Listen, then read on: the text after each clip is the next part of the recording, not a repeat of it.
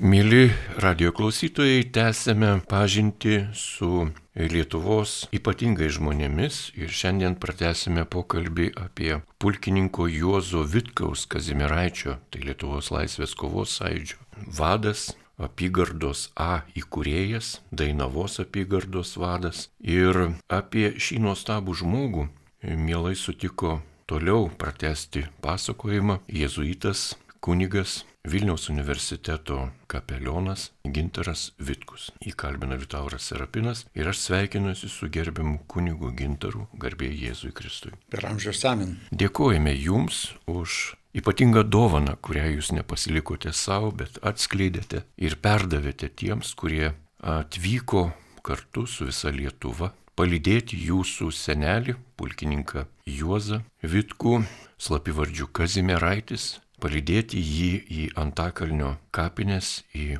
Partizanų kalnelį. Visa Lietuva stebėjo, matė, transliavo televiziją ir radijai.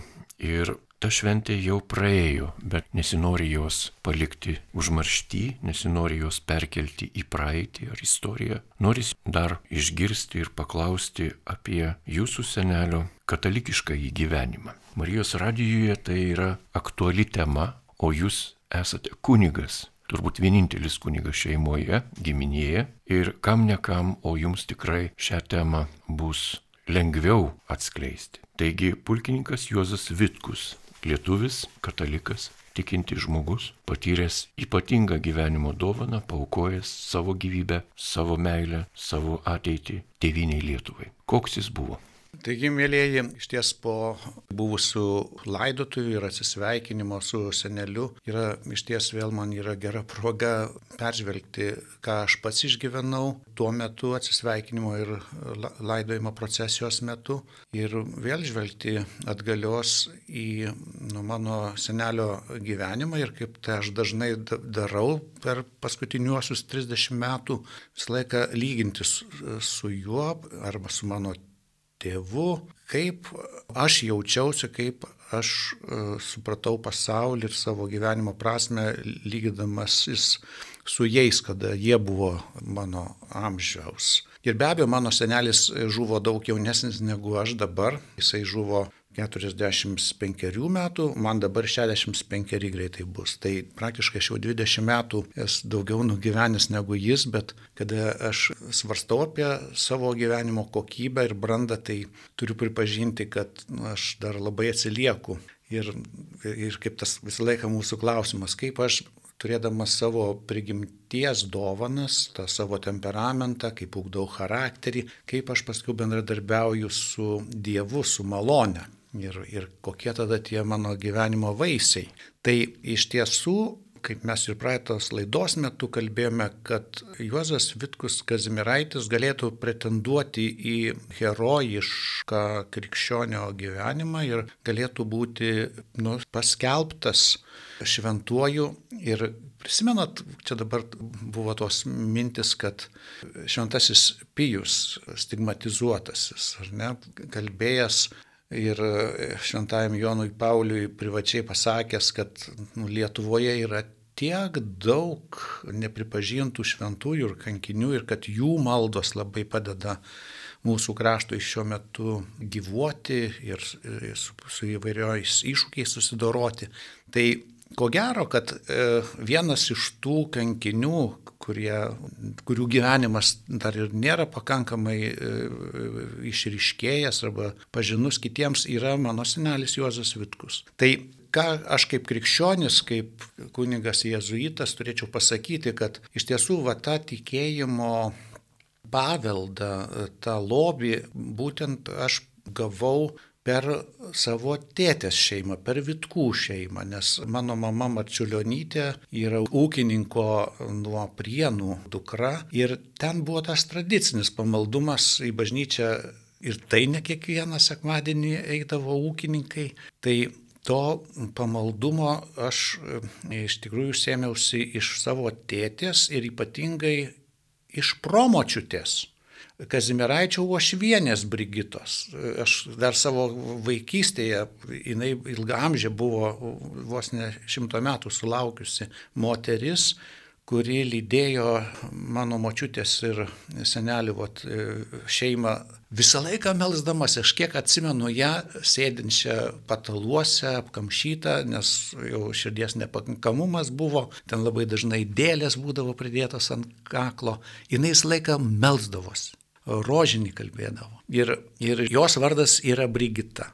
Tai aš labai dažnai ir jinai kartodavo, kad jau va, šitas va, tipelis, šitas pronokis tai bus kunigėlis. Ir aš širzdavau tada, kai būdamas dar dešimties metų, kad koks aš kunigėlis būsiu, visai kiti planai. Žinai. Na va, ir paskiau, kada aš jau Brigitos, šventosios Brigitos švedės e, e, maldų įtakoje atsiverčiau ir Dievo artumą išgyvenau, Ir tada man paskui taip kažkaip tą išvadą padariau, kad ko gero čia, kadangi Dievas tai mane taip myli, tai ko gero jisai nori, kad aš tapti kunigas. Nežinau, ar čia tas buvo tas, tas jau ženklas tuo metu, bet per šventąją Brigitą švedę aš patyriau Dievo artumą ir e, tą sprendimą padariau eiti į kunigystę.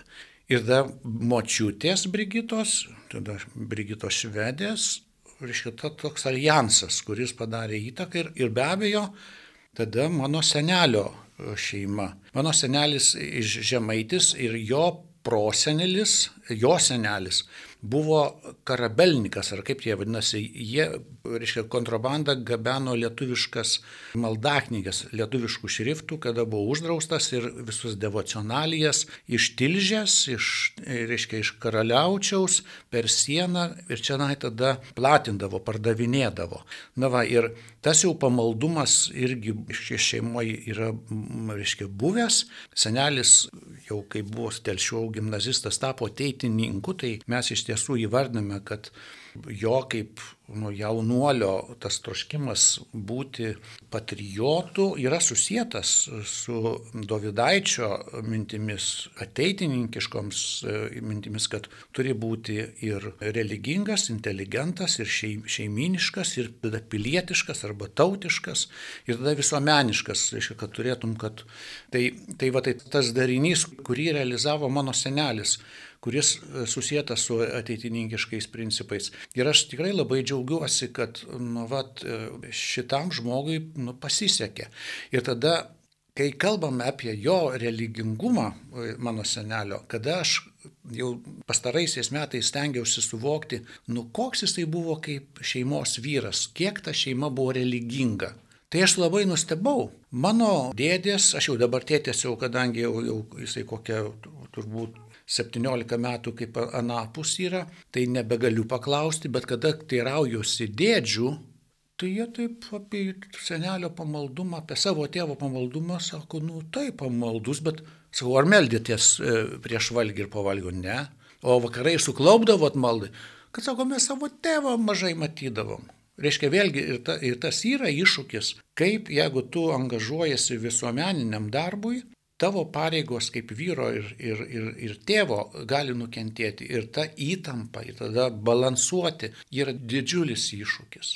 Ir dabar tie atsiminimai vat, ir iš e, jau nacijų okupacijos metų, kada senelis įsitraukė į antinacinį judėjimą, kestučio organizaciją, kurią vat, jie įsteigė katalikišką, vėlgi, reiškia, krikščionių demokratų tas sparnas, kuris nepriklausomybės atkūrimą, reiškia, planavo, nu, kaip va čia pralaimėję 40 metų mūšį, nepasiekę Suomijos varianto, kaip visos Baltijos šalis. Kariuomeniai buvo gėda, kariškiams buvo gėda, kad ne vieno šūvio nebuvo iššauta ginant Lietuvos nepriklausomybę, o taip gėdingai atidavė šalį rusiškam, bolševikiškam okupantui. Tai tas jau jo įsitraukimas į Kestučio organizacija vėlgi sąlygojo, kad jo nebūdavo namuose ir vėl vaikai nematydavo. Nu ir jie liūdėjo, kad nu, mes nežinom, kiek jisai pamaldus buvo. Į bažnyčią sekmadieniais ateidavo, e, kaip dėdė Rimgaudas, antrasis jau amžimis sunus po mano tėtės Vytauto. E, jisai liūdėjo, kad, e, kad taip, sekmadieniais čia Vilniuje į Mikalojaus bažnyčią eidavo. Ir tada eidavo, tėvelis eidavo gėdoti. Jis sakau, komunijos ar eidavo. Nu ir sako, aš nežinau. Tai, tai va tai tokio, nežinom iš tikrųjų to tokio jo, bet ką mes paskiau, na, išgirstame iš partizanų liūdimų, Nu visą tai mm, labai nustebino. Mėly radio klausytojai, šiandien prie mikrofono pulkininko Juozo Vitkaus Kazimiraičio anūkas kunigas Gintaras Vitkus. Ir kalbame apie tikėjimo darybę, malonę, kurią dažnu atveju mes perimame iš savo tėvų arba senelių. Jau daug ką papasakojote. Ir kai kalbame apie Juozą Vitkų ir dar bandome atskleisti tikėjimo šviesoje, tai suprantame, jog galime būti nepopuliarūs, taip, gali kažkam užkliūti, bet jūs drąsiai sakote, jog jūsų senelis yra šventasis. Norime išgirsti toliau. Tai galvodamas apie savo senelio tą vidinę kelionę į brandą, net vėlgi aš pats žinodamas, kad ilgą laiką mano tikėjimas buvo nu, iš tėvų savaime suprantama paveldėtas, vadinamas grupinis tikėjimas, kad nu, visi tiki, aš tikiu, šeima tiki, aš tikiu, tikėjimas yra naudingas, moralumą galbūt e, padeda išlaikyti. Bet klausimas, ar tu susitinki su Dievu? Ar atsiranda artumas su juo, ar tu pažįsti jį ir tu supranti, kad tave jisai pažįsta. Ir ne vien pažįsta, bet ar tu to artumo dėka supranti, ir patiri, kad esi labai labai, labai labai mylimas ir labai svarbus Dievui. Ir kad jisai tave tave jau nuo pat to pirmojo sprogimo, kuris gimdė visatą, kad jau tada buvo programoje numatęs, kad išlysi po milijardų metų ir, ir tam 21 amžiui čia mindžiosi šitą žemelę. Tai aš manau, kad mano senelis šitą artumą, vėlgi nežinom kada, bet jisai jį įgyjo. Ir ką mes paskui galim paliūdyti, kad nu, jau jo laiškuose iš Briuselio, kada jisai jaunas vyras išvažiavo ten studijuoti, mokėsi prancūzų kalbą, kurios e, ne, nemokėjo. Tada matematikos e, egzaminas buvo toks sudėtingas ir mūsų Lietuvos gimnazijų lygis be abejo negalėjo lyginti su Belgijos, tarkim, ar ne, vidurinės mokyklos jau, kur nebuvo okupacijų, nebuvo verbovių, reiškia, ir savo kalbą mokėsi. Tai jisai tuo metu išgyvendamas didžiulį stresą, ruoždamasis egzaminus stojamajam į Briuselio tą aukštąją technikos mokyklą, karo technikos. Tai jisai išgyveno stresą, ar aš išlaikysiu. Ir kada jisai rašo laiškus žmonai, paliktai vienai. Jisai jau tada sako, nu kaip Dievas duos, bet sako, aš taip noriu, kad nepadaryčiau gėdos savo tėviniai, nenuvilčiau savo vadovų karo ir kad, žinai, ir, ir, bet viskas jau jo rankose. Jisai tada supranta, kad, reiškia, jau jo pastangų gali nepakakti. Ir mes kurie studentais buvome ir egzaminam renginis, žinot, kiek tos baimės, ar nesukirs, ar neužsi, neužsiblokuos ten tos žinios, ar išplauks iš kažkokio to vingio mano skaityta informacija, kaip čia viskas bus, tu toks esi priklausomas. Tai, tai ką Juozas Vitkus rašydavo, Nu taip, atsiduodu Dievo valiai ir jeigu bus gėda, tai priimsiu kaip jo ženklą. Nu ir, ir jisai patyrė šitą gėdą. Jisai, reiškia, iš pirmo laiko neišlaikė egzamino. Ir jisai tada prašė vadovybės, kad, nu, ir paskui jau raportą rašė, per mažai šito pasirinkimo, kurį jūs man davėte, kad aš galėčiau tinkamai. Ir yra gėda tada ir visai Lietuvai, kad va tokie mes, ten su kruatais lygino save, kad kruatai vadovai atsiuntė, leisdavo geriau pasiruošti, kalbą įsisavindavo. Ir, to, ir sako, o, o, o, ir jisai jau rekomendacinius laiškus rašė, kad jau vadovai, kad, kad geriau būtų tą skirti daugiau laiko pasirengimui. Nu ir jisai tada iš kitų metų jau tada įstojo. Bet tas tame laiške ir vėlesniuose paskiau laiškuose, kuriuos jisai rašo dar kaip jaunas, 26, 7, 8 metų jau būdamas vaikinas, jau galėt pažinti, kad jo draugystė su Dievu yra gili. Jisai visą laiką bendrauja ir nuopeliuoja, kaip čia Dievas nori. Tai aš darau išvadą, kad ko gero tas jau asmeninis susitikimas su Dievu įvyko jo amžiuje gana, gana anksti. Ir jau tas toksai, jisai su savo jau žmona, kuri Rygoj šiaip buvo gimusi ir pakrikštyta, tai man vėlgi buvo labai įdomus laikotarpis, kada dirbau Rygoje, kada, nu, va, tas klausimas, kurioj čia toj bažnyčioj tuokėsi mano proseneliai, ta Brigita, su Kazimieru Grybausku ir kaip tada, reiškia, ta, kaip močiutės tas religingumas? Ir kaip tada Juozas su Genovaitė, jau kada santoką sudarė 1927 metais, nes Juozas atakavo mano močiutę, kažkaip tai įsižiūrėjęs kažkokiu tai šokiu metu ir, ir, ir tada jau parašė, sakau, aš jau kalbėjau, man pamatė, kad jisai tokius laiškus rašė, jisai nu toks, Nu jau, tas mokėjo sukti galvas, atrodo, moterims, nes apie savo jausmus galėjo pakankamai gerai. Tas iš kaimo kilęs, iš, nu, iš telšių mes, į tirkšlių miestelio, tas vaikinas mokėjo kalbėti apie savo išgyvenimus ir tada kažkaip tai nu, laukti jos atsako. Tai, bet ir kartu tada, reiškia, jau toj gyvenimo ir tikėjimo kelionėje jisai nuėjo pakankamai sparčiai. Ir tada jau vėlgi šuolį darau į tą laikotarpį, kada jisai pradėjo partizanauti, pasirinko Kazimiero, Kazimiraičio slapyvardį.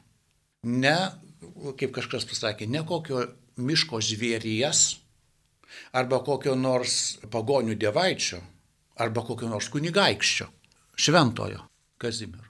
Tai vėlgi mes jiem, kad tuo metu ir Švento Kazimiero draugijos buvo, Jisai kaip aktyvus visuomenininkas, karininkas, ko gero buvo vienas irgi iš tų gal pamaldesnių karininkų.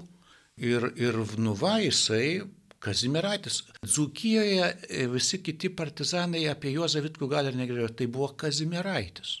Partizanų vadas Kazimieraitis. Visi žmonės, kurie vat, e, kalba, prisimena jį, tais laiką yra pulkininkas Kazimieraitis. Tai va tėtė, kad jau savo atminimų tą knygą rašė, būtent pulkininkas Kazimieraitis. Tai jo ryšys su Kazimieru, kuris vėlgi žinome jaunuolis, gabus, darbštus, įsilavinęs, ar ne, visuomenininkas, valstybės, reiškia, valdyme dalyvavęs, kuris paskiau dėl sveikatos vėlgi visokių tų jausmingumo atakų turbūt patyręs ir kada jam paskiau rekomendavo, kad, būt, kad seksualinis gyvenimas gal padėtų jam tą apykaitą pagerinti ir tada su tuberkulioze kovoti kuris, reiškia, turėjo maldingumą ryšį su Dievu ir tada atjautą vargšams Ir tada kaip savo, kaip pilietinė, vėlgi nu, brandą siekia. Tai kažkaip tai šitas asmuo turbūt inspiravo ir įkvėpė ir mano senelį, reiškia, ir tas vat, Kazimiraičio pasirinkimas. Tai vėlgi rodo jo tam tikrą poziciją. Ne, tai ateitininkyje Kazimiras, reiškia, ryšys su vat, šventaisiais, priklaus, žinojimas, kad aš priklausau Dievo kūnui, kuris kuris funkcionuoja, jeigu vienas narys kenčia, kenčia visas kūnas, jeigu tas narys klesti, klesti visas kūnas. Ar ne tas vat, visuotinės bažnyčios papildomumas, solidarumas, ryšys su Dievu ir tada nu, ėjimas per pasaulį ir nu, misijos atlikimas, Dievo karalystės misijos atlikimas. Tai aš manau, kad tą pajautą senelis turėjo ir pasirinko tą Kazimieraičio vardą. Nežinau, ar gerai kreipiu toliau pokalbį, bet norisi vieno tokio mažo intarpo. Mums gyvenantiems dabar technologijų amžiuje be galo daug ką reiškia įvairios etiketės, emblemos, simboliai, ženklai. Be ženklų neįsivaizduotume savo judėjimo, gyvenimo, kelio ir taip toliau. Ir kai suprantame, kiek svarbu yra simbolis, simbolika, mes atsekame, jog Lietuvos laisvės kovos sąjūdžio partizanai savo ženklę, savo emblemoje turėjo kryžių, dvigubą kryžių. Ir tai tas ženklas, kad jie yra būtent krikščionys, būtent katalikai ir būtent tokie autentiški šitos žemės vaikai, pakrikštyti, inkardinuoti bažnytiškai, sakramentiškai, per tikėjimą, per, per daugiau negu kad privatų tikėjimą, per bendruomeninį tikėjimą, jie buvo pasiryžę kovoti su ateizmo įrankiais, tai žmonėmis, reguliariaja kariuomenė, kurie, na, negalime, neturime teisės sakyti, kad jie buvo bedieviai. Galbūt ir tikėjo, bet jų tikėjimas juos atvedė į katastrofą. Tuo tarpu mes matome, jog Lietuvos laisvės kovos sąjūdžių partizanų tikėjimas atvedė į šiandieną. Ir šiandien visai kita yra tema, visai kita kalba. Mes kalbame apie Lietuvos laisvės kovos sąjūdžių partizanus ne kaip apie pralaimėjimą, bet kaip apie laimėjimą. Ir tikėjime labai dažnai tai būna, kad mūsų sudėta auka, kuri yra tikrai nuostolis pralaimėjimams, mums atneša kažkokį laimėjimą. Ženklai, simboliai, kryžius ant tavo e, kokardos, ant tavo žymenio. Ir kryžius tavo širdyje ir kryžius tavo likime. Daugelis partizanų paukojo savo gyvybę už tėvynę, už tos žmonės, kurie, kurie buvo jų širdise. Ar galima tai atlikti be tikėjimo? Nežinau, kunigė gintarai. Tai štai šitas klausimas visą laiką yra svarstytinas. Mes žinome, kad herojais gali tapti ir nekrikščionys, ar ne? Ir žiūrėkit, musulmonai dėl savo švento tikėjimo ištikimybės Alachui nu, susisprogdina ar ne, norėdami nu, pašlovinti Dievo vardą. Ir tada tas visą laiką klausimas, nu, vat, kaip mes Dievą įsivaizduojame ir ko Dievas tikisi iš mylinčio jį žmogaus arba gerbenčio jo žmogaus. Ir mes žinome, kad islamas, tarkim, yra irgi, nu, galima sakyti, nu, teisinga religija, viena Dievą išpažįstanti, viena iš trijų didžiųjų monoteistinių religijų - judaizmas, islamas ir krikščionybė, Abraomo tikėjimai. Ir tas dialogas mus vienyje tai. Bet klausimas tada, kaip skirtingos religijos formuluoja, kas yra Dievas ir tada kaip jį tikinti žmogus turėtų savo gyvenimą tvarkyti, gali skirtis. Ir tada, vat, kiek įstatymo tu turi laikytis, ir tada įstatymas e, daro nu, ženklą, ar tu esi teisus, ar ištikimas Dievui. O mes sakome taip, įstatymų laikomės, bet Kristus mums pasakė, kad yra dar didesnis, svarbesnis įstatymas - meilės įstatymas, kurį musulmonai atrodo nu mažiau brangina. O žydai, hebrajai turi šitą visą apie meilės įstatymą, bet jiems teisingumas vis tiek yra svarbiau ir jokio gailė, apie gailestingumą, apie atlaidumą atrodo, ką mes matom iš dabartinio Izraelio pozicijų, kad ten aišku yra labai irgi susiskaldimo, ar ne, ideologinio arba tikėjimo srityje kad gana nuožmus teisingumas, kuris turi, kad dantis už dantį visgi tas yra principas galiojantis. Tai klausimas, kiek partizanai mūsų arba dabartinės kariuomenės, reiškia mūsų, kurie, kur turi mūsų kapelionus, kaip kapelionams sekasi pasiekti karių širdis arba jų vadų. Nes aš įsitikinęs, kad be abejo vadų pavyzdys, vadų branda yra lemtinga, nes tadagi vis tiek tu matai, kas yra tavo viršininkas ir, ir kuo jisai kvepuoja, kiek aš kaip pavaldinys jam esu svarbus ir kaip jisai mano orumą arba mano gyvenimą brangina ir kiek jisai mane žemina arba laiko detalę kažkokiu straikteliu, o kiek jisai mane palaiko ir, ir supranta, kad neleidžia man išpuikti, neleidžia man pasijausti pasaulio bamba, bet ir ne, nemenkina, nelaiko ne, nieko, nieko nereiškinčių.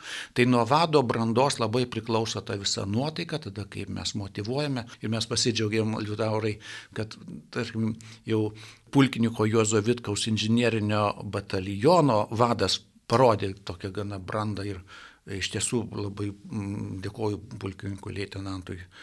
Elinui. Žodžiu, jam už tą tokį pavyzdį, nes įvairiose situacijose mačiau e, jau jį. Tai Tai nuo vado priklauso. Dabar kiek pasipriešinime toj, tame Lietuvos nepriklausomybės kare partizanai dabar mūsų politikų pripažinti yra teisėta kariuomenė. Net turėjo politinius tikslus ir džiaugiuosi, kad Gezimiraitis prisidėjo prie tų politinių tikslų formulavimo, kad demokratinės valstybės siekiame, ne diktatūros, ne smetonos e, Lietuvos e, Respublikos, demokratinio Seimo. Tai tie tikslai buvo aiškiai suformuoluoti dar dviem mėnesiams iki jam žūstant Ir greičiausiai jo buvo, e, reiškia, su kitais turbūt kokiais nors politikais suformuoluota, kad partizanų vadai priėmė šitą deklaraciją e, balandžio 24, atrodo, ar 3, 46 metų. Ir tada jinai tapo 49 metų jau vasario 16-osios prototipų, ten nedaug pakeitimų, patobulinimų įvyko. Tai jau formulavo. Ir tada nuo to vado brandos ir Kazimiraitis iš tiesų buvo vienas iš tų autoritetų. Ir visi liudijimai, kurie kalba apie partizanų, partizanų vadą, tiek pačio Adolfo Ramanausko Vanago, tiek kitų vadų pripažįsta autoritetą. To žmogaus, kuris niekada miške būdamas nesivilko kario, kariuomenės karininko uniformos, skiriamųjų jokių ženklų nenešiojo, nesifotografavo, nesigyrė, buvo vienas iš tam, kad, bet turėdamas tą vidinį autoritetą, žinias, kompetenciją, nu taip, jis būrė ir tada telkė tuos visus karius. Kiek kariai reaguodavo ir koks jų buvo tikėjimas, kurį jie paveldėjo iš savo šeimų, kiek buvo netikinčių žmonių, o kiek buvo tradiciškai e, tikinčių. Kaip karas paveikia kovos laukia esantį karį, mes galim tik tai klausti savęs. Ir žinoma, kad kai kurie e, teigia, kad karo metu, kada sviedinio laukia arba raketos, arba bombos krintančios, ir tu nežinai, kur pataikys, ar ištaškys tave, ar, ar tu išliksi. Tai sako, tokios grėsmės akivaizdoje negali likti abejingų, reiškia, netikinčių. Ir atsiet tampa visi tikintis.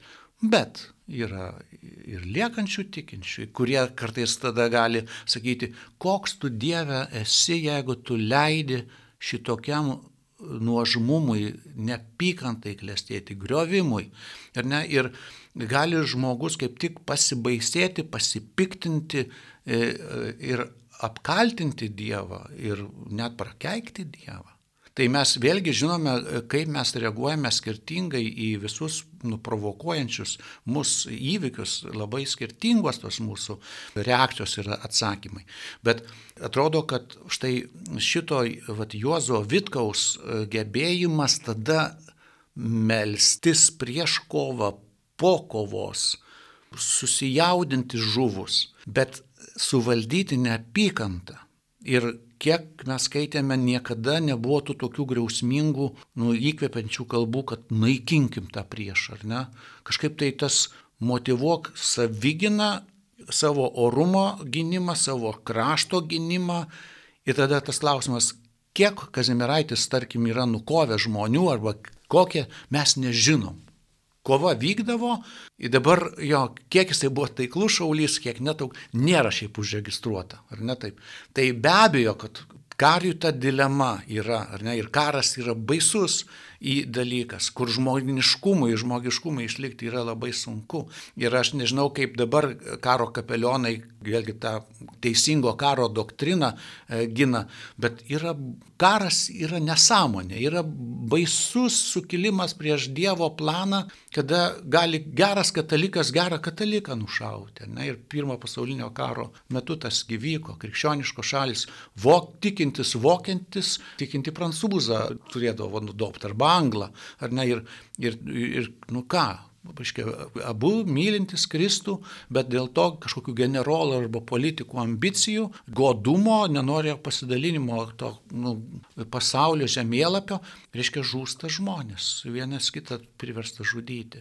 Tai, tai va, ta nesąmonė ir kartais aš žinau, kad išgirstu, kaip kaip kritikuoja Pranciškų popiežių dėl jo kartais pasisakymų Ukrainos arba šito karo atžvilgių, kad jisai gina tą darybų kelią ir kad, nu, liktai sako, kad, nu, nereikėtų gintis arba kad geriau dėrėtis iš karto sėsti prie darybų stalo. Ir kaip čia su teisingumu, kai okupantas rusas jau okupavęs tiek daug teritorijos, ką čia dėrėtis, pirmą reikia atsikovoti tas žemės, tada gali kovo jau Ir tada be abejo teisingumo ir taikingumo klausimas yra labai tampriai susijęs. Ir tada va čia tos įtampos atsiranda, bet kaip gintis ir savo orumą apginti ir tada naudoti kalaviją. Ir Jėzus savo mokymę nu, yra pasakęs. Vienu atveju sakė, kišk kalaviją į makštį, o kitu atveju sakė, pasimk kelis kalavijus eidamas per gyvenimą, kad apsigintum, kad galėtum tęsti tą. Tai tavo klausimas buvo, Liutaurai, apie kryžių ir kančią ir tada auką.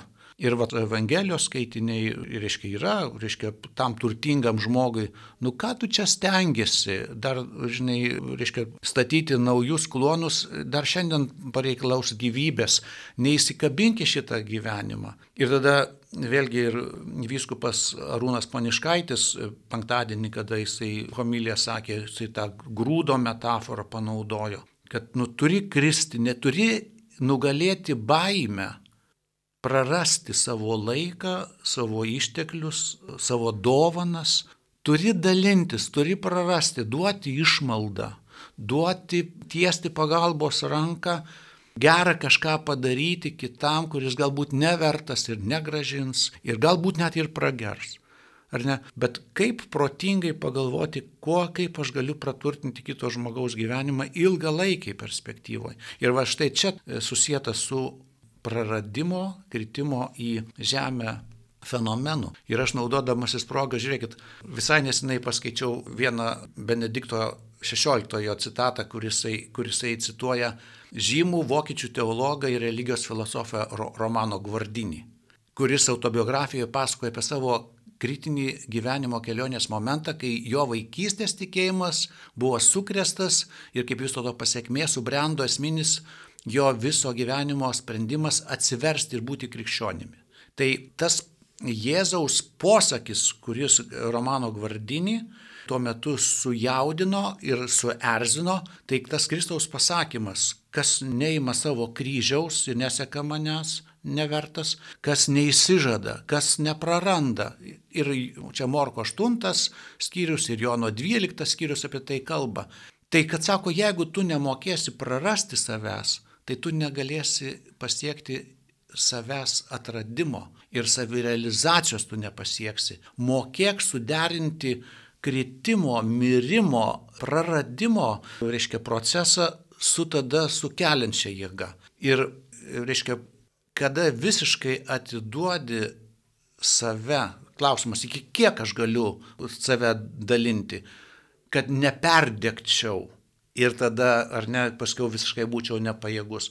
Ir į šitą klausimą labai sunku atsakyti, bet kad galėtum būdėti ir visgi nebijoti ir kai kurie momentai yra susijęta su auka, su savęs įsižadėjimu, savęs praradimu, skausmo prieimimu, prastesnio gyvenimo būklės prieimimu, vardan kažkokio kitokio aukštesnio tikslo. Tai mes kalbam apie Jėzaus auką ant kryžiaus arba Jėzaus įsikūnyjimą, jau tampant iš antrojo asmenio trejybėje, kada jisai tapo vienu iš mūsų ir tada mirė kaip vergas ant kryžiaus, tai reiškia tą vadinamą kenozę arba apsiribojimas ir tada prisikelimas.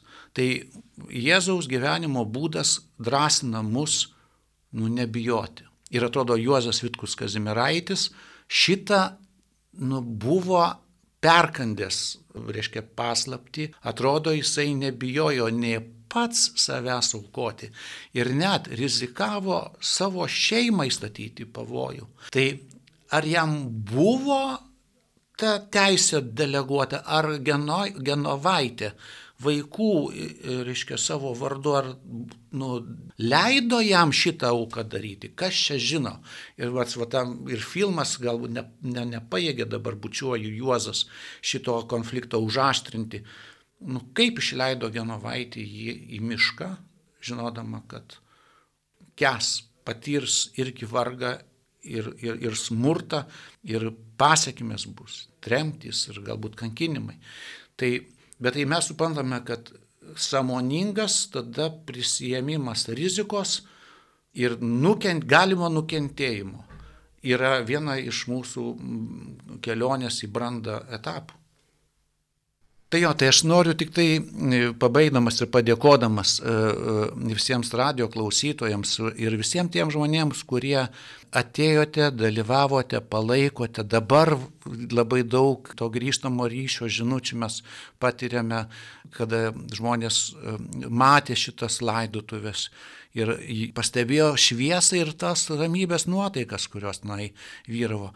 Taip, tai buvo pergalės šventė, teisingumo triumfavimo e, diena, kai tas krintantis grūdas parodo, pasirodo, kad yra gebantis duoti vaisių.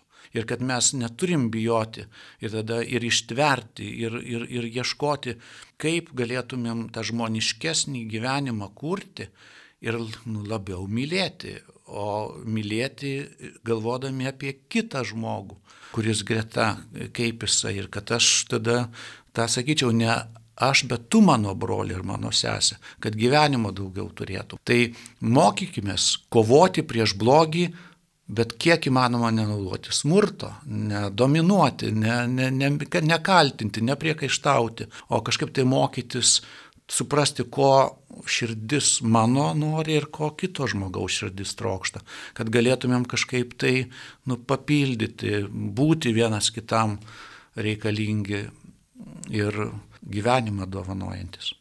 Mėly radio klausytojai, jūs girdėjote laidą, kurioje apie pulkininką Juozą Vitkų, slapivardžių partizanų kovoje Kazimiraitis, jo pamaldumą, jo šeimos pamaldumą pasakojo pulkininko Kazimiraičio anūkas, kunigas Vilniaus universiteto kapelionas, jėzuitas Gintaras Vitkus. Dėkojame Jums, kad šią valandėlę kartu buvote su Marijos радію.